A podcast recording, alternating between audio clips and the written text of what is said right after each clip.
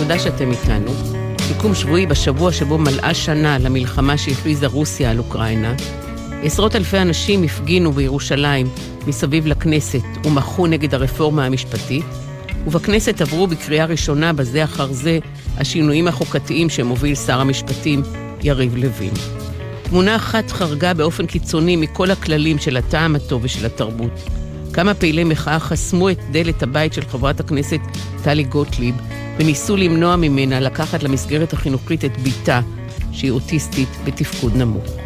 ספרים רבותיי, ספרים, אני ציפי גון גרוס, איתי המפיקה תמנה צורי, על הביצוע הטכני אורי דהן ואורי בני ישראל, בפיקוח הטכני אילן גביש. בשעה הקרובה נדבר עם עידו בסוק על הביוגרפיה של הסופר, המחזאי, הפזמונאי יעקב שבתאי, שכתב, ומופיע עכשיו, יעקב שבתאי חיים הוא שם הביוגרפיה. מנעמה הכט נשמע על מדי, הרומן הראשון שלה שראה האור, ועם רוביק רוזנטל נשוחח על הספר שלו, ג'ומס. ספר שבו רוביק רוזנטל משוחח עם חיים אורון, הידוע יותר בכינוי שלו ג'ומס. לסיום, נעמי רביע תקרא את השיר נקמה, שכתבה המשוררת עדי פלג שריג, ועדי גם תסביר מדוע בחרה דווקא בשיר הזה מתוך הספר.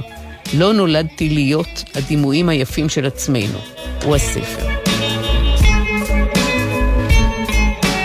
יעקב שבתאי, שהיה סופר, מחזאי, פזמונאי, תסריטאי וגם מתרגם, הלך לעולמו בגיל 47 בלבד, ב-4 באוגוסט 1981. שני הרומנים שכתב, זיכרון דברים וסוף דבר, שהופיע אחרי מותו, נחשבים ליצירות מופת, וזכו ועדיין זוכים לאלפי קוראים. יעקב שבתאי חתום כמחזאי גם על הקומדיה נמר חברבורות, על כתר בראש שעוסק בימים האחרונים של המלך דוד, על הקומדיה הסאטירית אוכלים, שמבוססת על הסיפור המקראי של גזל כרם נבות על ידי אחאב, על חיי קליגולה. הוא תרגם יצירות של הרולד פינטר, את שלום הלחם, את יוג'ין אוניל, את ניל סיימון, את איציק מנגר, את יצחק בשבי זינגר ורבים אחרים. כתב ספרי ילדים, כמו למשל הדוד פרץ ממריא, אבל אולי היצירה הכי מוכרת של יעקב שבתאי הם הפזמונים שכתב. אם נדע לאהוב בדומייה, בואי רוח בסמטת התותים, הגבירה בחום, וימלט קין לפנות ערב שידוע יותר בשם בן ברושים, ועוד ועוד שירים יפהפיים, ואולי השיר הכי ידוע ואהוב מביניהם הוא אהובתי שלי, לבנת צוואר. שבתאי היה סופר מאוד תל אביבי, היה אחי עם הבכור של המשורר אהרון שבתאי ושל יואל אחיו שהיה מוזיקאי וצייר. הוא גדל במעונות עובדים, שירת בנחל, היה חבר קיבוץ מרחביה, התפרנס מכתיבה של מחזות ופזמונים, ועזב את הקיבוץ, ומאז המריא גבוה גבוה בפרוזה שלו. ינקלה, קראו לו החברים, או יעקב, בפי ההורים והאחים שלו. הוא היה גם שטוטניק, ליצן במסיבות, הססן בלי גבול, נטה לכעסנות. עידו בסוק, שהוא משורר וחוקר ספרות, מפרסם עכשיו את הביוגרפיה, יעקב שבתאי, חיים. מנסה ללכת בעקבות הנתיבים של שבתאי בין החיים לבין הספרות, בין אשתו ואם בנותיו לבין נשים נוספות, בין כתיבת המחזות לכתיבת הפרוזה שלו. מנסה לפענח את החידה המורכבת שנקראת יעקב שבתאי והיצירה שלו. שלום, עידו בסוק. שלום, אה, ציפי גונגרוס. איזה מכנה משותף יש בין הדמויות של שבתאי בספרים השונים, למשל צזר וגולדמן וישראל בזיכרון דברים, מאיר בסוף דבר. איזה דמיון יש בינן לבין הדמות של יעקב שבתאי עצמו? טוב, זה, אתה יודע, זאת שאלה גדולה שתמיד שואלים על הקשר בין החיים, ל, בין החיים לספרות, או בין... אה, אה, זה תמיד חידה, ואצל יעקב שבתאי יש פה... אה, התשובה היא גם יותר מורכבת מהבחינה הזאת ש... מבחינה מסוימת, אפילו הייתי אומר זה היה חלק מהאידיאולוגיה הספרותית או הפואטיקה שלו נגיד ככה, אה, הייתי אומר כמעט לקחת חתיכות מהחיים. זאת אומרת, אה, זה לא היה אה, מוסתר והוא חזר אל דמויות שבאמת כמה מהן הם ביטוי כמובן לא אחד לאחד, אבל ביטוי די, די משמעותי שלו עצמו, כמו אה, מאיר ברומן האחרון, בסוף דבר, וכמו גולדמן בזיכרון דברים. אה, גם דמויות של חברים שלו ושל אחים שלו, למשל ישראל אה, בזיכרון דברים, במידה די רבה מבוסס על הדמות של יואל, אחיו הצעיר. אה, צזר מבוסס על הדמות של אלדר אה, שרון, הארכיטקט הידוע. אה, אבל כמובן זה לא, זה לא בדיוק, ובעיקר אני חושב שהוא רצה לצייר תמונה קשה של ה... הייתי אומר ירידת המעמד שהוא השתייך אליו והוא הזדהה איתו המעמד ההסתדרותי, המעמד שבעצם המגזר החברתי שבמידה רבה הוליך את החברה הישראלית בתקופת היישוב וגם בראשית המדינה ואז עמד אולי בתקופה שהוא כבר היה אה, חבר קיבוץ וגם הלאה, אה, מעמדו התערער מסיבות מאוד מאוד מורכבות. וכמובן היו גם, הייתה גם השפעות של, של הפילוסופיה האקזיסטנציאליסטית ושל אה, דברים אחרים, והוא מצייר באמת איזו תמונה אה, קשה של אנשים מחפשי דרך שהאמונות הקודמות, כמו למשל הקומוניזם או הסוציאליזם, אה, ככה, או בכלל אולי אפילו גם הזיקה הלאומית, אה, במידה רבה התערערו ומחפשים יותר בתוך עצמם או יותר ביחסים הקרובים להם אה, וזה בעצם מה שמשותף להם, כן, כל אחד לפי הבנתו מחפש או באהבה או באיזה תורות שונות או במסעות או ב, אולי באומנות, כן, מחפש איזו תשובה לשאלות הגדולות שהאידיאולוגיות הפסיקו לתת להן תשובה. יעקב שבתאי גדל במעונות עובדים בתל אביב. הוא היה חבר בכן מרכז של תנועת השומר הצעיר. אפשר לומר שהוא היה סופר מאוד מאוד תל אביבי. הוא הרבה לשוטט בעיר, ואחד הציטוטים הידועים שלו הוא צחצוח רחובות אלנבי פרישמן במברשת נעליים. איך התל אביביות הזאת באה לידי ביטוי בספרים שלו, בחיים שלו? כן. טוב, כאן אני רוצה באמת להגיד משהו, אה, אה, יעקב שבתאי היה הרי... אה, עשר שנים במרחביה, והוא היה גם נחלאי בגרעינים, בקיבוצים, ולכאורה הוא היה, אה, אנשים גם תמרו איך זה שהוא לא כתב על קיבוץ, אז רק אני רוצה להעיר שהוא בעצם כתב אה, רומן על קיבוץ, היה הרומן הראשון שהוא כתב, אבל גנז אותו, מסיבות שלא כאן המקום לעמוד עליהן. ובאמת, הרומנים האחרים שלו באמת הם דמויות מאוד מאוד מאוד תל אביביים, זאת, תל אביביות. זאת אומרת, יש פה... זה לא סתם, זה לא רק שזה היה קרוב אליו ושזה מה שהוא הכיר, אלא הייתה לו באמת, הייתי אומר, איזו נאמנות, כמעט איזה מין פטריוטיות. אה, זה אפילו לא תל אביב בלבד, אלא זה תל אביב אה, אה, הייתי אומר, הישנה מסוג מסוים, זה הצפון, זה הצפון הישן, זה שכונות מסוימות, זה רחובות מסוימים שהוא היה הולך ומסתובב בהם. וזהו, זה בעצם מה שהוא תיאר, באמת את הקילומטר, קילו, מרובע הזה של פרישמן, פרוג, אני יודע, הרחובות האלה שכולם מכירים. אה, וזה מתוך, מתוך כל מיני דברים, מתוך כמובן געגועים שלו להוריו ולבית ילדותו, ומתוך אמונה שלו שהאנשים שהוא הכיר אה, אז, החברים של הוריו, כל, הייתי אומר, הדורות המייסדים של המדינה, גם אנשים יותר פשוטים, לאו דווקא מנהיגים, הוא האמין שאלה היו האנשים הטובים, שאלה היו האנשים ש... אה, והוא באמת, אה, הייתה לו תחושת זרות, שאני מוכרח להודות שהיום היא כמובן מצטיירת כמאוד בעייתית, תחושת זרות כלפי, הייתי אומר, העולים שהגיעו יותר מאוחר, בשנות החמישים, אה, זה, זה פן אה, בעייתי, אבל בכל אופן אני חושב שזה אה, באמת מעניין, והוא בעצמו, הייתי אומר אפילו בעצמו תמה על זה, כי הוא כותב על זה במכתב, נגיד שהוא נוסע לאמסטרדם, כמו מאיר, הגיבור של סוף דבר, אז הוא באמת אומר, הוא שואל את, את זאת שהוא כותב לה את המכתב, הוא אומר, מה, מה כל כך אני עם תל אביב המטונפת הזאת, מה אני בכלל כל כך מתגעגע אליה, ומה אני כל כך אה, מרגיש שייך אליה, אבל בכל זאת, זה באמת, זאת הייתה הזהות שלו. זאת אומרת, הייתה אפילו זהות, הייתי אומר, תל אביבית בהתרסה נגיד נגד הזהות הירושלמית, זאת אומרת, אני לא יודע אפילו אולי הוא ביקר פעם בירושלים, אבל באמת הטריטוריה שלו הייתה אה, תל אביב,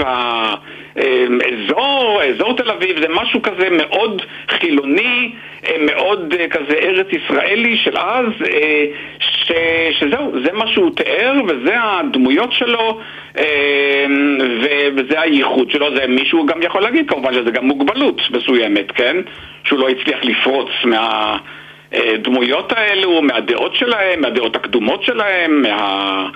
אה, כן, אה, זהו, זה, זה הגדולה שלו וגם ה... אה, כן, גם, גם מוגבלות מסוימת ואולי גם ליקוי שאפשר לראות. ואיך הושפעה הכתיבה של יעקב שבתאי מהעובדה שהוא חטף התקף לב בגיל מאוד מאוד צעיר, מהעובדה שמחלת הלב בכלל עברה בגנטיקה של המשפחה שלו? כן, זה נכון, אני אגב לא, לא יודע עד כמה הוא כל כך התעסק או כמה היה מודע לגנטיקה לחום, למרות שהסבא שהוא קרוי על שמו באמת מת בגיל 50, אבל יכול להיות שבתקופה ההיא מוות בגיל הזה לא נראה היה דבר כל כך חריג. אה, בכל אופן זה נכון, זה נכון שזה באמת היה גם דבר תורשתי.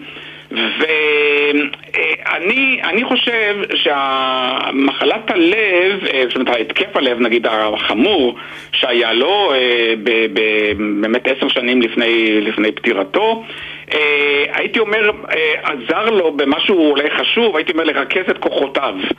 כי שבתאי נטה קצת לפיזור מכל מיני בחינות. קודם כל הוא היה כזה חבר חבר ואוהב חברים ואוהב חברה ואוהב בילויים ואוהב לאכול וגם כמובן היו תמיד דאגות הפרנסה והצורך הזה, איך להגיד, לתרגם ולכתוב פזמונים ולכתוב אה, חומרים לערבי בידור והתקף הלב הזה, הייתי אומר, איים עליו באיזה מין חיים, בחיים קצרים והוא הבין שאת החיים הקצרים האלה הוא צריך לנצל לעיקר.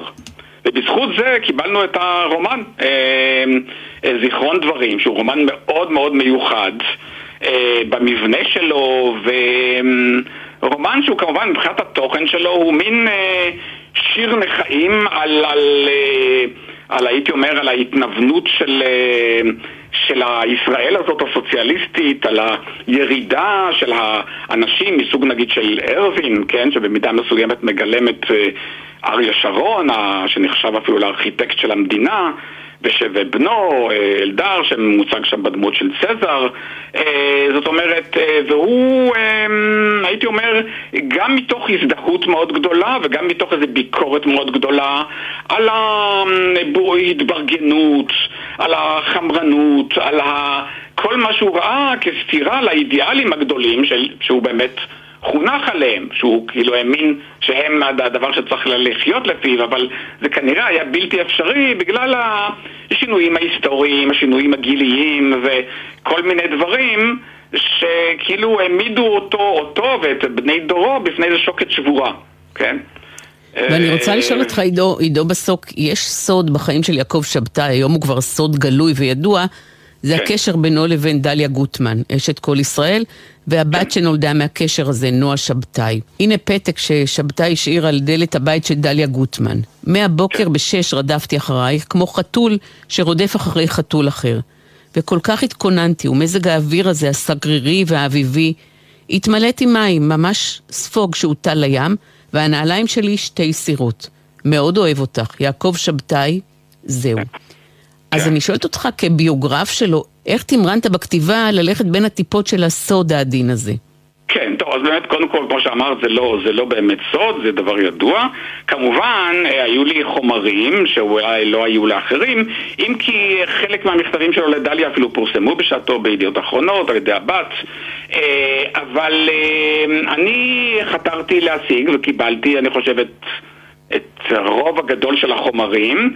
אה, תראה, קודם כל צריך להגיד ככה, יעקב שבתאי בכלל אהב נשים, היו לו רומנים גם לפני דליה, כולל רומן בקיבוץ מרחביה שאני מספר עליו, שהיה חשוב בחייו, וגם הוא לא היה יחידי. וכן, הסיפור עם דליה, תראי, בוא נאמר ככה, אם את שואלת קצת על ה... באמת על הדילמות שלי ככותב ביוגרפיות, שכמובן לא רוצה להיות רכלן וצהוב, ומצד שני כן רוצה לדבר בגלוי ולכתוב בגלוי, אז היו פה דילמות, כן? למשל על, ה...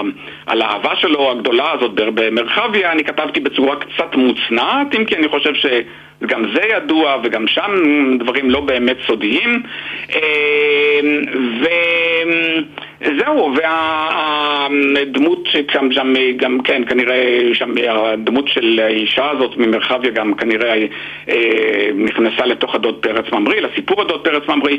בכל אופן, אה, היו לי שיחות ארוכות אה, עם דליה גוטמן ועם בתה שכתבה, עם נועה שכתבה, עשתה, עשתה סרט בשעתו וגם היו המון המון דברים שלא הכניסה לסרט, שהיא שיתפה אותי בהם ואני נעזרתי, ואני חושב שאני כותב בגלוי, אבל נדמה לי שלא אה, לא יכולים להאשים אותי ברכלנות לשמה, כן?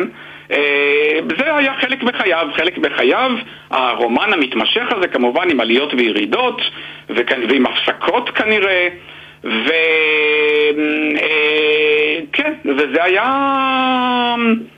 זו הייתה דרמה, דרמה משמעותית בשנות, בשנותיו האחרונות ואני חושב, נדמה לי, נדמה לי שאנשים לא יוכלו להאשים אותי שהייתי צהוב, איך להגיד, צהיבות לשמה, אלא יותר באמת לספר את הדברים כמו שהוא היה כדי להחיות את דמותו.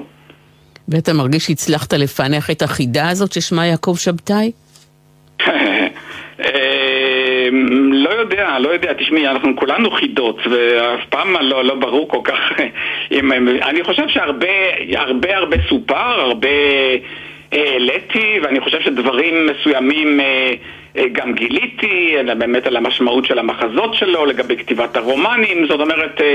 אמ, כן, כן, יש פה, יש פה אדם שהיה, מבחינות מסוימות צריך להגיד שיעקב שבתאי לא נועד להיות סופר וגם לא הועיל את עצמו להיות סופר וזה אה, נקודה שתמיד גם מעניינת אותי כשאני כותב ביוגרפיות כי שבתאי היה כאילו אהוב האלים כזה, הוא היה אה, ספורטאי מצטיין ותלמיד מצטיין ואהוב על כל חברה ואהוב על הבנות וכזה לכאורה החיים הועידו אותו בכלל למשהו אחר.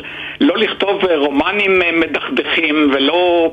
אבל בשלב מסוים, הייתי אומר, מה שאפיין אותו זה שהוא פרח בגיל מאוד מאוד צעיר, אבל גם נבל במידה מסוימת בגיל מאוד צעיר. אה, גם פיזית, כן, ההשמנה שלו וההתקרחות שלו, כל מיני דברים שהפריעו לו, כן, מאוד. אה, זה שהוא כבר לא יכול להיות כדורסלן כמו שהוא היה, וכל מיני דברים.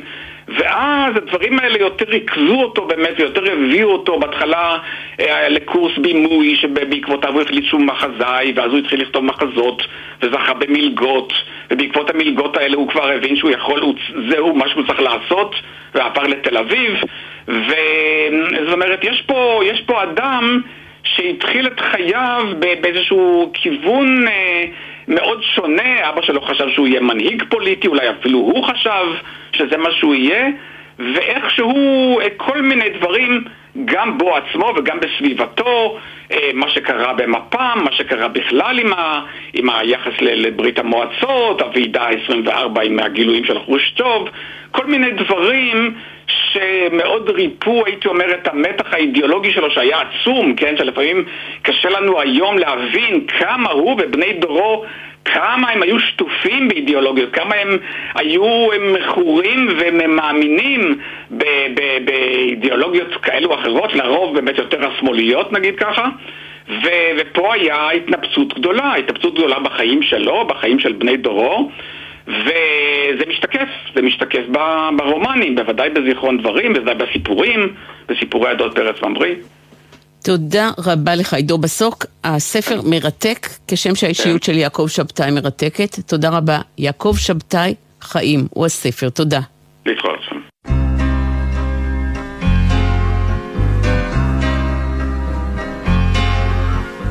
אהובתי שלי לבנת צוואר. יעקב שבתאי כתב את המילים, סשה ארגוב הלחין ומתי כספי שר. את כל הכוכבים אתן לך מתנה, אהובתי שלי לבנת צבא.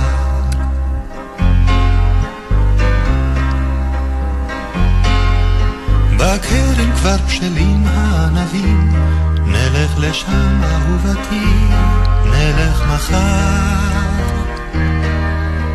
אכתוב לך אשכולות טובים וצוננים, אהובתי שלי לבנת צוואר.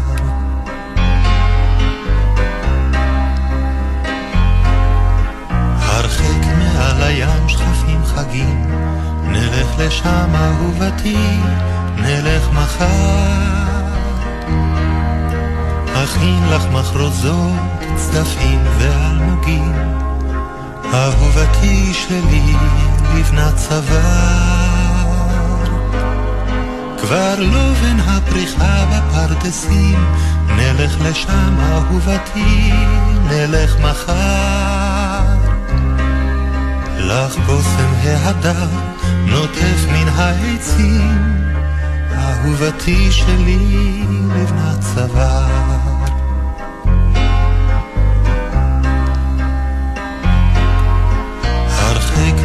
הים שכפים חגים, נלך לשם אהובתי, נלך מחר. אכין לך מחרוזות, צדפים ואלמוגים, אהובתי שלי לפנת צבא.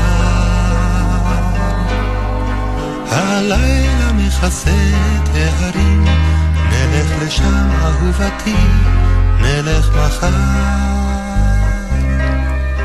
החושך יעטוף פנייך בשחורים, אהובתי שלי לבנת צוואר.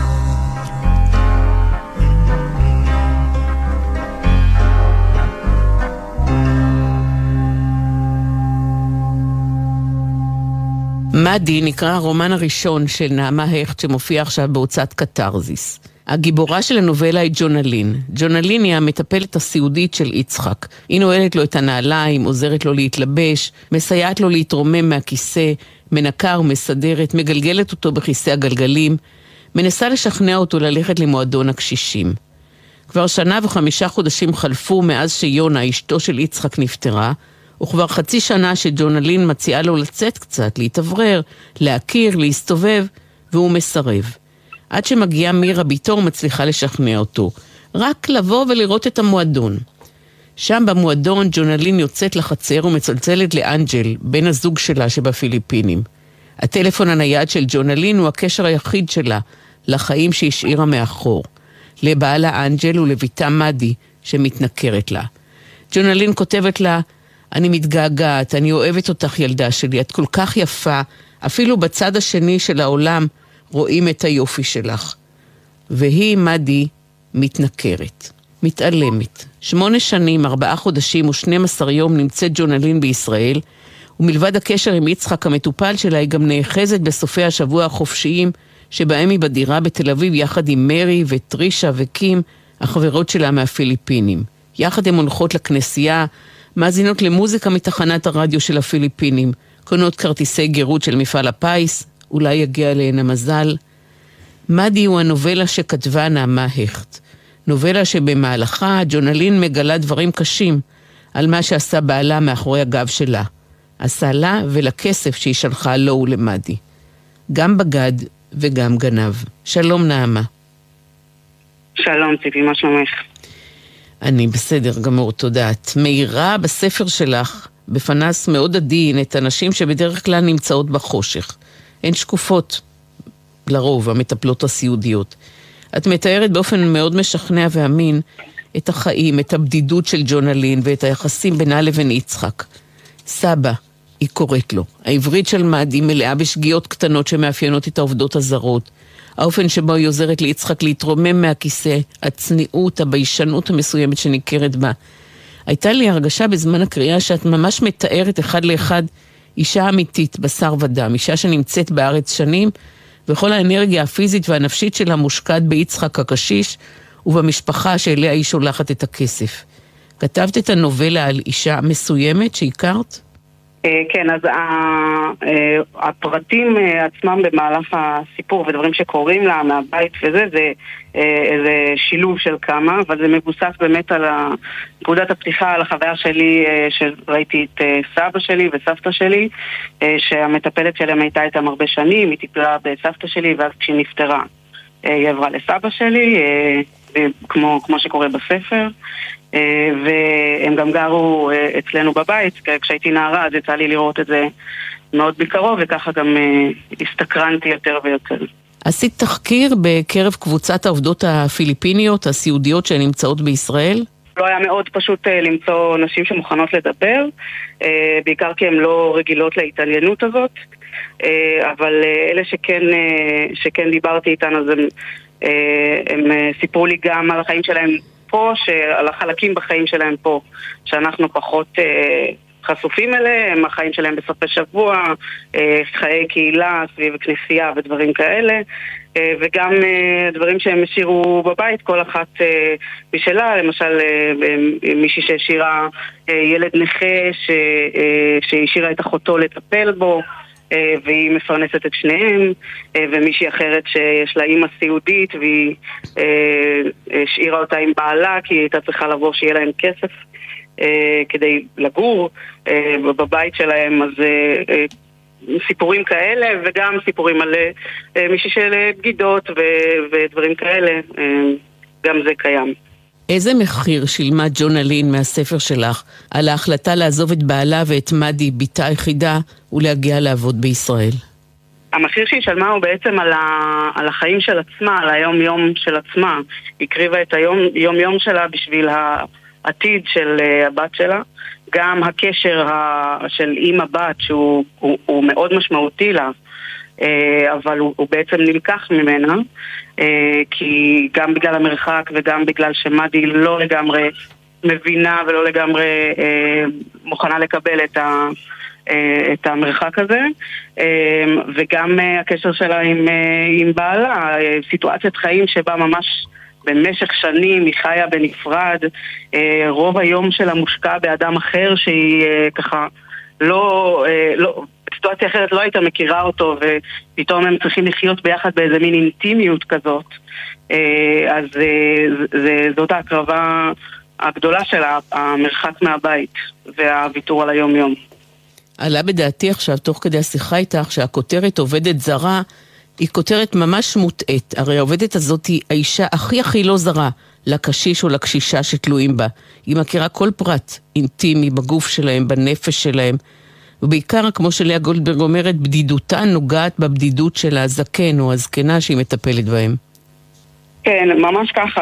זו סיטואציה שאני לא יודעת אם יש אותה ב, ב, בסיטואציות אחרות, אבל זה באמת... אה, הם, הם תלויים אחד בשני, והם שניהם חיים ביחד יום-יום, גם פיזית וגם אה, נפשית, הם מי שיש להם, כאילו, לאחד אחד השני בחיים, וזו סיטואציה שהיא...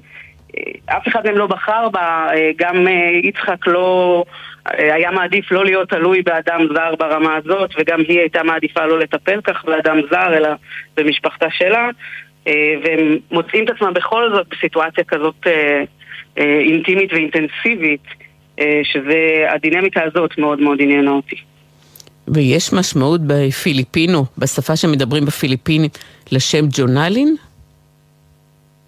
אמ, אז אין לי את המשמעות הספציפית, אבל זה כן איזה המרה של השם, אה, של שם אה, של גבר במקור, זה המרה לשם של אישה, אה, ובאמת בחרתי בזה בגלל ש... שג'ונליני כזאת צריכה להיות גם וגם וגם, היא עושה את הכל בבת אחת, אז היה נראה לי מתאים שיהיה לה שם שיכול, שיכול להתפרש בשני הכיוונים. וג'ונליני הגיבורה, כמו שאמרנו, בכל זאת בחרת לקרוא לספר מאדי, על שם בתה של ג'ונלין. למה? אה, אז מאדי באמת היא לא נוכחת בעצם בפועל בסיפור, אה, היא גם לא מדברות אה, יותר מדי, אז גם היא באמת לא נוכחת, אבל היא, היא, היא הלב של, של ג'ונלין, והיא הסיבה שג'ונלין הגיעה, והיא יש סיבה שאני נמצאת בסיטואציה שמתוארת בסיפור, ולכן הרגשתי שהיא בעצם המניע של כל הדבר. גם האנשים שדיברתי איתן, כששאלתי אותן מה, מה הן היו רוצות שהקורא ישראלי ידע, אז כמעט כולן אמרו לי שהן היו רוצות ש, שידעו כמה הן מקריבות ומה הן משאירות מאחור, ושזה בעצם, בשביל זה הן עושות את זה. אה, ולכן זה היה נראה לי ראוי כ, אה, ככותרת וכמניע לסיפור. ומי שקורא את הנובלה מבין למה מאדי מתנכלת לה? אה, אז כן, לאורך הנובלה יש הסברים ורמזים. ההתנכלות היא, זה, זה לא איזה סוד, ההתנכלות היא, היא בגלל המרחק ובגלל שהיא השאירה אותה בלי אם נוכחת. אמ, אה, וג'ונלי לכל אורך הדרך מנסה לגשר על, ה, על הפער הזה. תודה רבה. נעמה הכט, הנובלה כאמור נקראת מאדי, והיא הופיעה בהוצאת קתרזיס. תודה לך. תודה רבה.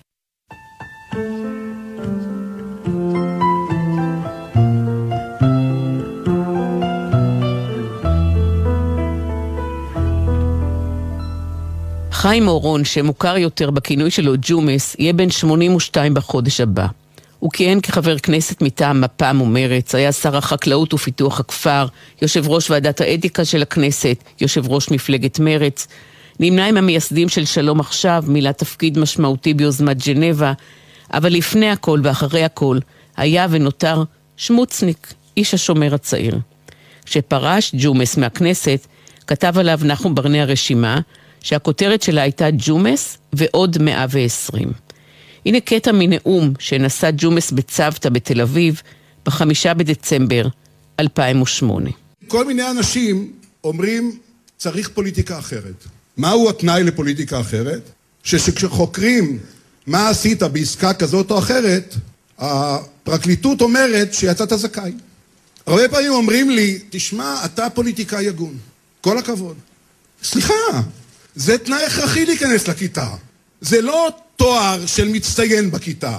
ובפוליטיקה הישראלית, איש פוליטי שאומר אמת, הוא מתכוון למה שהוא אומר, הוא מתכוון גם לבצע את זה, הוא מוכן לשלם על כך מחירים, זה, זה מסיים את הפקולטה בהצטיינות. סליחה חברות וחברים, זה תנאי הכרחי, ואני מאוד מקווה שהתנועה הזאת, יחד עם מרץ, יאמרו כשרואים אותם, אלה אנשים הגונים. ג'ומס, חיים רון, באולם צוותא בתל אביב בשנת 2008. עכשיו מופיעה בהוצאת הקיבוץ המאוחד בסדרה קו אדום, מופיע הספר ששמו ג'ומס. העיתונאי והבלשן רוביק רוזנטל מפרסם בספר הזה שיחות שלו עם חיים אורון. הם מדברים על הקשר בין חיים אורון לחברה הבדואית, על מהי אישיות שומרת, אישיות של השומר הצעיר, על כך שג'ומס מעולם לא הגדיר את עצמו כפוליטיקאי, על התקופה שבה הדריך בשומר הצעיר חניכים שהיו צעירים ממנו רק בשנתיים, על הסכסוך היהודי-פלסטיני, וגם על האבל, השכול הפרטי שחוו ג'ומס ואשתו, כשהבן הקטן שלהם, הבן השלישי, יניב, נפל מהטרקטור, כאשר ג'ומס נהג בו. ג'ומס הוא ספר השיחות שהופיע בהוצאת הקיבוץ המאוחד, שלום רוביק רוזנטל. שלום ציפי. למה חיים אורון ראוי לסדרת השיחות הזאת שנכרכה לכלל ספר? השאלה היא למה חיכינו כל כך הרבה זמן. זאת השאלה האמיתית בעיניי, כי הוא... קודם כל הוא איש חשוב, הוא איש חשוב בשמאל הישראלי, הוא איש חשוב בפרלמנט, ונתת דוגמה מצוינת מהמאמר של, של נחום ברנע. הוא איש חשוב כי הוא היה בצומת של כמה עניינים מרכזיים מאוד בנושאים העיקריים שהוא עסק בהם, וגם בצו... אה, בעיקר ענייני רווחה, בריאות, וגם כמובן שלום וביטחון, וגם בתוך התנועה שבה הוא אה, פעל, אה, נולד בתוכה מרץ שמוצניק, השומר הצעיר, ולימים היה ראש ההנהגה הראשית של התנועה החינוכית, אחר כך מזכיר הקיבוץ הארצי. כלומר, הוא היה דמות מרכזית, והוא היה בעצם אייקון של דור שלם שבא בעקבות הדור הוותיק והמשיך אותו וירש אותו ואני חושב שהוא אחד האנשים הכי אהובים בוודאי בתוך אה, השומר הצעיר, שלמרות שהוא לא מיוצג היום דרך מפלגה כלשהי, הוא חלק מרכזי וחשוב במרקם הישראלי. אה, וגם בחברה הישראלית כולה, יש, הוא, אנשים רוכשים לו אהבה, אני נתקלתי בזה, שסיפרתי שלפני שיצא הספר שעומד לצאת, שאני כותב, תגובות היו אה, חד משמעיות מכל כיוון. וואו, איזה איש, איזה איש. זה לא קורה סתם, זה לא קורה לרוב האנשים. מה מאפיין רוביק את סגנון המנהיגות שלו? סגנון המנהיגות הוא שילוב של בן אדם שמאוד יודע מה הוא רוצה, עם המון המון פשרות, עם המון אה, הליכה אה, שבודקת אפשרויות. אם את רוצה משהו אקטואלי, אז למשל מהלך כזה דרמטי שמשנה את הכל בלי התייעצויות ובלי הכנה, לא, לא היה קורה לו. הוא ידע, אה, כמובן, כאשר הוא הלך קדימה, הוא ידע להתפשר. יש לו בדיוק בספר, ואפילו פרק קצר שמתאר את זה, איזשהו דימוי שבא מהתקופה שהוא עבד בפלחה, בקיבוץ להב. הוא ישב על טרקטור, אה, וכשלימדו אותו לנהוג על טרקטור, התברר שהשורות שלו אה, הולכות בזיגזג, ואז המורה שלו, שלמעשה במקרה או לא במקרה היה בדואי, אמר לו, תשמע, כשאתה אה, עושה, אה, עושה תלם, אתה צריך להסתכל קדימה לנקודה בסוף התלם, נגיד לעץ מסוים שעומד שם, וגם כל הזמן להסתכל על הפקק של הרדיאטור של ה... כלומר, איך, ה... איך זה הולך צעד אחר צעד. אם אתה לא תעשה את זה, אתה לא תגיע, לא תיצור תלם ישר. והפקק של הרדיאטור, אלה הפשרות הקטנות, אלה, זה הביצוע, זה המעשיות, זה החלטה בדיוק מה עושים ברגע מסוים, ותמיד המתח הזה, שהוא מגדיר אותו מתוך עצמו בלי להתבייש, הוא אומר בין החזון שלי, שהוא מאוד מאוד ברור לי, הוא ברור מאוד בספר, מאיפה הוא בא, מה הוא עושה, זה לא השתנה כל חייו, לבין זה שהוא הלך הרבה פעמים אה, בתוך המציאות, ולא כל מה שהוא ביקש הוא קיבל. ואיך אתה רואה את הקשר בין הבית שהוא גדל בו, שלוש משפחות באותה דירה, שירותים משותפים, אבא שעבד בקשת, בית חרושת לניקוי, ואחר הצהריים היה דקורטור. זה מה שקוראים בימינו פריבילג, כלומר, רוב רובם של האנשים שצמחו בתוך תנועת העבודה ובתוך העולם שהיום מוגדר אה, בכל מיני שמות גנאי, הם אנשים שגדלו בתוך עבודה קשה, בתוך אה, מחסור שאיננו עוני, בדיוק כמוני. לא הייתה תחושת עוני, אבל כן היה מחסור כמעט בכל פינה. אה, וזה מחנך קודם כל לעבוד כל החיים, תמיד לעשות דברים, לשמוח במה שיש לך, לשאוף ליותר, אבל לא להרגיש כל הזמן שעשו לך משהו אה, כדי שלא תקבל אותו. ו... ויחד עם זה, ומוכרחים להזכיר, ההורים שלו עבדו מאוד מאוד קשה בשתי עבודות, מהבוקר עד הערב, והלכו בערב לקונצרטים, בשבתות לתיאטרון, אה, והנושא של התרבות, הנושא של התרבות בדור הזה הוא מאוד מרכזי בתוך המרקם הזה, ורק כך אפשר להבין אותו. אז מהי האישיות השומרית, האישיות שאתה מזכיר שוב ושוב בספר, שמשותפת לך וגם לג'ומס? נורא, מאוד דיברנו על זה בספר. ולי תמיד יש הרגשה, אני גם אמרתי לו, אה, בוגרי השומר הצעיר, רובם לא המשיכו בקיבוצים, עזבו מתישהו, או בכלל לא הגיעו, כמוני ולא כמוהו. אה, הם שונים, יש אנשים שהם פחות טובים, טובי לב, או פחות... אה, חכמים וכדומה, יש משהו משותף, אמרתי לו, אני לא יודע, אני מזהה, אנשים שומר אצלנו אחרי שלוש מילים שאנחנו מדברים, יש משהו משותף, בוא נפענח אותו. לא היה קל לפענח אותו, אבל אני יכול להגיד, אולי בצורה של הכללה, שאיש השומר הצעיר גדל בתוך עולם ערכים סדור, תקופה מסוימת זה היה גם מאוד נוקשה, זה החל להשתנות כבר בימיו של ג'ומס ומאוד אחריו, מפני שכל האמונות הגדולות, הקומוניזם והמרקסיזם ואפילו הסוציאליזם בצורה ההיולית אה, שלו אה, כבר לא, לא עבד, היה צריך ללכת למקומות אחרים. אה, ויחד עם זה, כל הזמן לשאול שאלות. כל הזמן להגיד, אני לא בטוח במה שאני עושה, אני לא בטוח אני צריך לבחון את האידיאולוגיה שלי כל הזמן מחדש.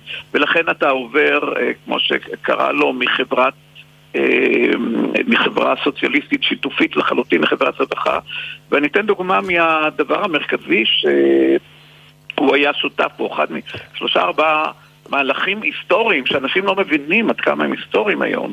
וזה אה, מה שקרה, המהלך של המהפך בהסתדרות אה, ושל חוק ביטוח בריאות ממלכתי שהיה חלק מהמהלך הזה. יחד עם חיים רמון שבאותה תקופה עשה דברים טובים, היום אולי פחות קצת אבל אה, כאן ג'ומס היה צריך ללכת בניגוד למפ"ם, בניגוד למפלגה שלו, בניגוד לקיבוץ הארצי, מפני שהוא האמין שזה הדרך היחידה להציל את ההסתדרות, להציל את קופת חולים, ולצד זה להציל את כל מערכת הבריאות כדי ליצור מערכת חדשה אה, נקייה שתיתן ביטוח בריאות לכל אדם. זה לא היה קודם.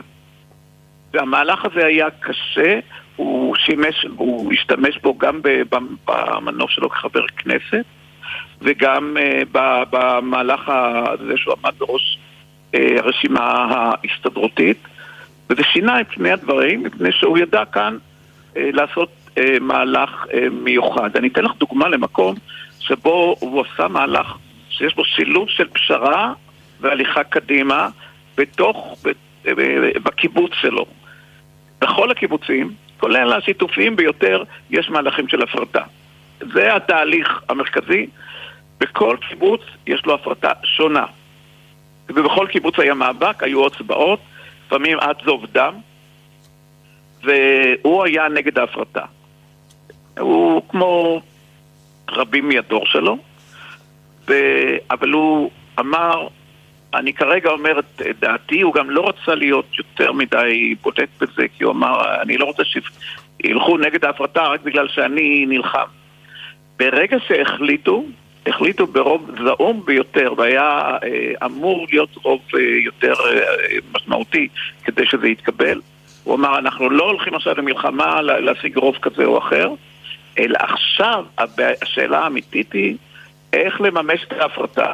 יש כל כך הרבה אפשרויות, איך לממש אותה בצורה השיתופית ביותר, המקבלת ביותר, והם יצרו מודל אה, אחר מהרבה קיבוצים, והוא מודל שכנראה אה, עובד מצוין, ויש בו הרבה ויתורים של אנשים על מה שבקיבוצים אחרים בהפרטה לא היו מוכנים לקבל, ולכן היה לו, יש לו ביטוי שחוזר אה, כמה וכמה פעמים בספר, שהוא אומר, אנחנו לא הולכים מנקודה א' עד הקצה שבו יש או כישלון מוחלט או הצלחה מוחלטת. אנחנו הולכים מצומת לצומת. ברגע שצומת אחת הגענו אליה, למשל החלטה כזאת בקיבוץ, או כל אה, נושא אחר, אז אנחנו מתחילים להסתכל, ללכת לכיוון הצומת הבאה, שגם בה יהיו כמה אפשרויות, וכל החלטה כזאת תשנה את המציאות שלב אחרי שלב. היו מקומות שבהם הייתה ביקורת על זה שהמנהיגות שלו אין בה מספיק, הוא לא, אין לו killer instinct, הוא מוכן לוותר מהר מדי על אה, יסודות מנהיגותיים, ו, וכאן אה, נמצא הטוב והרע, אבל זה הוא, לא יכול להיות אחר. יניב, הבן של ג'ומס ונילי, שנהרג כשהוא נפל מהטרקטור, היה צריך להיות עכשיו בן 50. גם אתה, כן. בן למשפחה שכולה. אח שלך גדעון כן. נפל במלחמת יום הכיפורים, בקרבות ברמת הגולן. מהשיחות עם ג'ומס, מה למדת רגשית על ההתמודדות שלו עם השכול, על האשמה הבלתי נמנעת שכרוכה במוות הזה של הילד? ואיך ההתמודדות שלו עם השכול מתיישבת עם האישיות ועם העשייה שלו לאורך השנים? הוא... אה, היה לו קשה לדבר על זה, הוא כמעט לא מדבר על זה בפופי. כמה רעיונות סחטו ממנו תשובות והוא מאוד כעס על זה. אמרתי לו, אם אתה לא תדבר על יניב, לא יהיה ספר. זה חלק בלתי נפרד ממך. ובאמת השיחה שלנו התחילה בזה שאני דיברתי על השכול שלי והוא על שלו.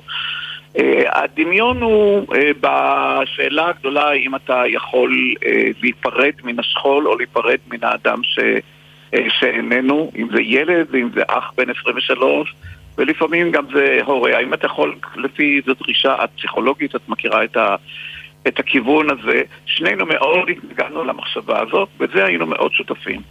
מעבר לזה, אצלו עניין, לכל אדם שמאבד אדם קרוב יש תחושת אשמה. אפילו לי עד היום, אחרי 50 שנה, הזכרת מספר 50, אחרי 50 שנה אחרי מותו של גידי, יש מתלווה, מתלווה רגש אשמה כשאני כל כך נהנה מהחיים ומהמשפחה ומאוכל טוב. וכל הזמן זה אומר, אבל, אבל הוא לא. זה לא עוזב אותך. אצלו אשמה הרבה יותר ממשית. כמו שאומר, אני אולי עשיתי ברקס חזק מדי, והילד נפל. אני באמת כנראה אשם. אבל אין מה לעשות עם האשמה, מפני שכרגע צריך לחיות עם זה שהוא אה, איננו. ומבחינה זאת, באמת אה, ההבדל בינינו הוא רב. אה, מה שהוא אומר, ושוב זה קצת שונה, כי אני הייתי צריך להתמודד עם השכול עם אימא שקשה מאוד לדבר איתה על זה. היא מדברת עם החברות, לא מדברת איתי, אנחנו לא שותפים באמת לשכול. ולא הייתה, הייתה, היה לו הפרטנר שלו, נילי, חברים, אה, בני זוג מגיל 15-16 עד היום הזה, וזה נותן המון כוח. היא החלה לעבוד, אני פגשתי אותם מיד אחרי האירוע, היא החלה לעבוד אחרי כמה ימים, לחזור לחיים, ובאמת התפיסה, הנה הגענו לצומת שאנחנו לא רצינו בו, אבל מהצומת הזה יש שתי אפשרויות, או להפסיק לחיות, או להמשיך לחיות. וההחלטה להמשיך לחיות היא החלטה שלוקחים בעצם רוב האנשים, חלק גדול מהם לפחות, בוודאי אה, ג'ומס. אתם למדתם באותו בית ספר תיכון, במשפחות המוצא שלכם קראו אותה על המשמר. יצאתם להגשמה בקיבוץ, קיבוצים קטנים שנאבקו על קיומם, אתה לקיבוץ נחשון וג'ומס לקיבוץ להב. ג'ומס כיהן כמזכיר הכי צעיר של הקיבוץ הארצי, אתה היית העורך הכי צעיר של שבועון התנועה. גם המשפחה שלך וגם שלו, כבר אמרנו, ידעו שכול. האם השיחות שלך עם ג'ומס הם בעצם גם הסתכלות במראה, רוביק רוזנטל? בהרבה מובנים כן. כולנו שייכים לדור שאני קורא לו בספר שלי, מסעותיים העברית, שדיברנו עליו, דור בין השמשות. הדור הזה שכבר לא שותף למהלכים הגדולים של ההיסטוריה אה, אלא הוא נמצא בשוליהם, השואה היא כבר סיפור שאנחנו צריכים להפנים ולהבין אותו. במלחמת השחרור אנחנו נערים או ילדים, אנחנו לא באמת משתתפים, וכל מה שקורה אחר כך זה בעצם לאד... לאיש שמאל, זה מהפך אחרי מהפך, ולכן היה המון דמיון. חוץ מזה, אה, אנחנו בעלי השקפת עולם מאוד מאוד קרובה. אז אפשר היה לבוא ולומר, אז איזה מין שיחה זאת שאתם חושבים אותו דבר? התפיסה שלי היא הפוכה. השיחה הזאת הורידה מה, מהשולחן את הדרך של הפרובוקציה, של האתגור הקשה, של... היא אפשרה זרימה, אה, העמקה. מי אנחנו בעצם? אנחנו חושבים דברים דומים, יש לנו עולם שותף. שנינו בוגרי השומר הצעיר, התנועה הנפלאה הזאת, מה היא עשתה לנו? מה זה בכלל בשבילנו? שנינו, אני חייתי שנים רבות בקיבוץ. מה זה הקיבוץ, מה, אה, איך מתמודדים עם השבר הקיבוצי. כל הדברים האלה היינו שותפים בשיחות. לדעתי, אבל זו דעתי כמובן, כל אחד יכול לשפוט אחרת. אה, זה מאוד אה, העמיק את הספר ונתן לו תובנות שאולי אחרת לא היו מתערעות. ותחושתי, וזה בעיניי הדבר הכי חשוב, זה מה שהוא שאל אותי בהתחלה. תגיד לי, זה מעניין מישהו? אמרתי לו, זה תלוי בשנינו. אם אתה תהיה פתוח ואני אשאל שאלות טובות, זה יהיה מעניין. מהתגובות שאני מקבל עד עכשיו, הספר מעניין, וזה הכי חשוב. תודה רבה, רוביק רוזנטל. ג'ומס, רוביק רוזנטל משוחח עם חיים אורון. תודה לך. תודה, ציפי.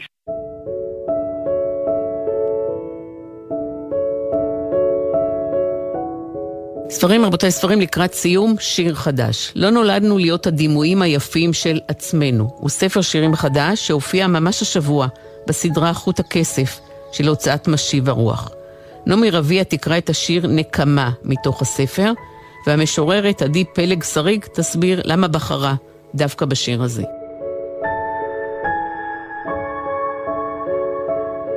היו היה לי עובש, פושה בכל, במזון ובדם. וכסילות גדולה בתורת ההתנגדות. אל הבגרות נסחפתי בשלג הקר, שוטטת קרח. המידע שנגער בי יצא מכלל שימוש, ולא היה בו חסד, רק הסברים, מתים. כשראיתי אותך כמכתב מתוך מעטפה, נפתח לקראתי על השביל. כשראיתי אותך כמכתב מתוך מעטפה, שרפתי את ההיסטוריה, החלפתי בי התחלה. אהבה היא נקמה בעולם נחפז לכל עבר. בעולם הרבה כאב, כשלא זוהרת נחמה, במגפה, במלחמה. אהבה, שמש, שדה, ילדה.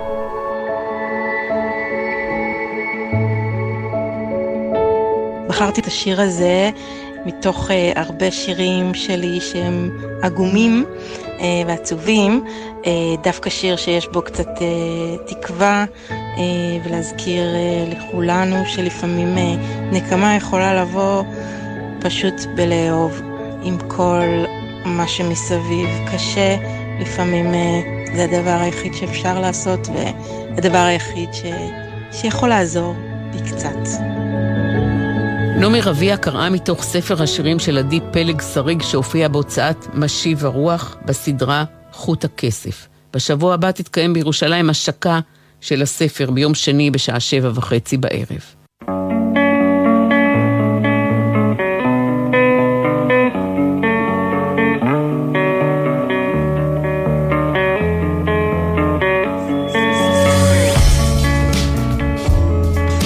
רבותיי, ספרים עד כאן התוכנית שלנו להיום.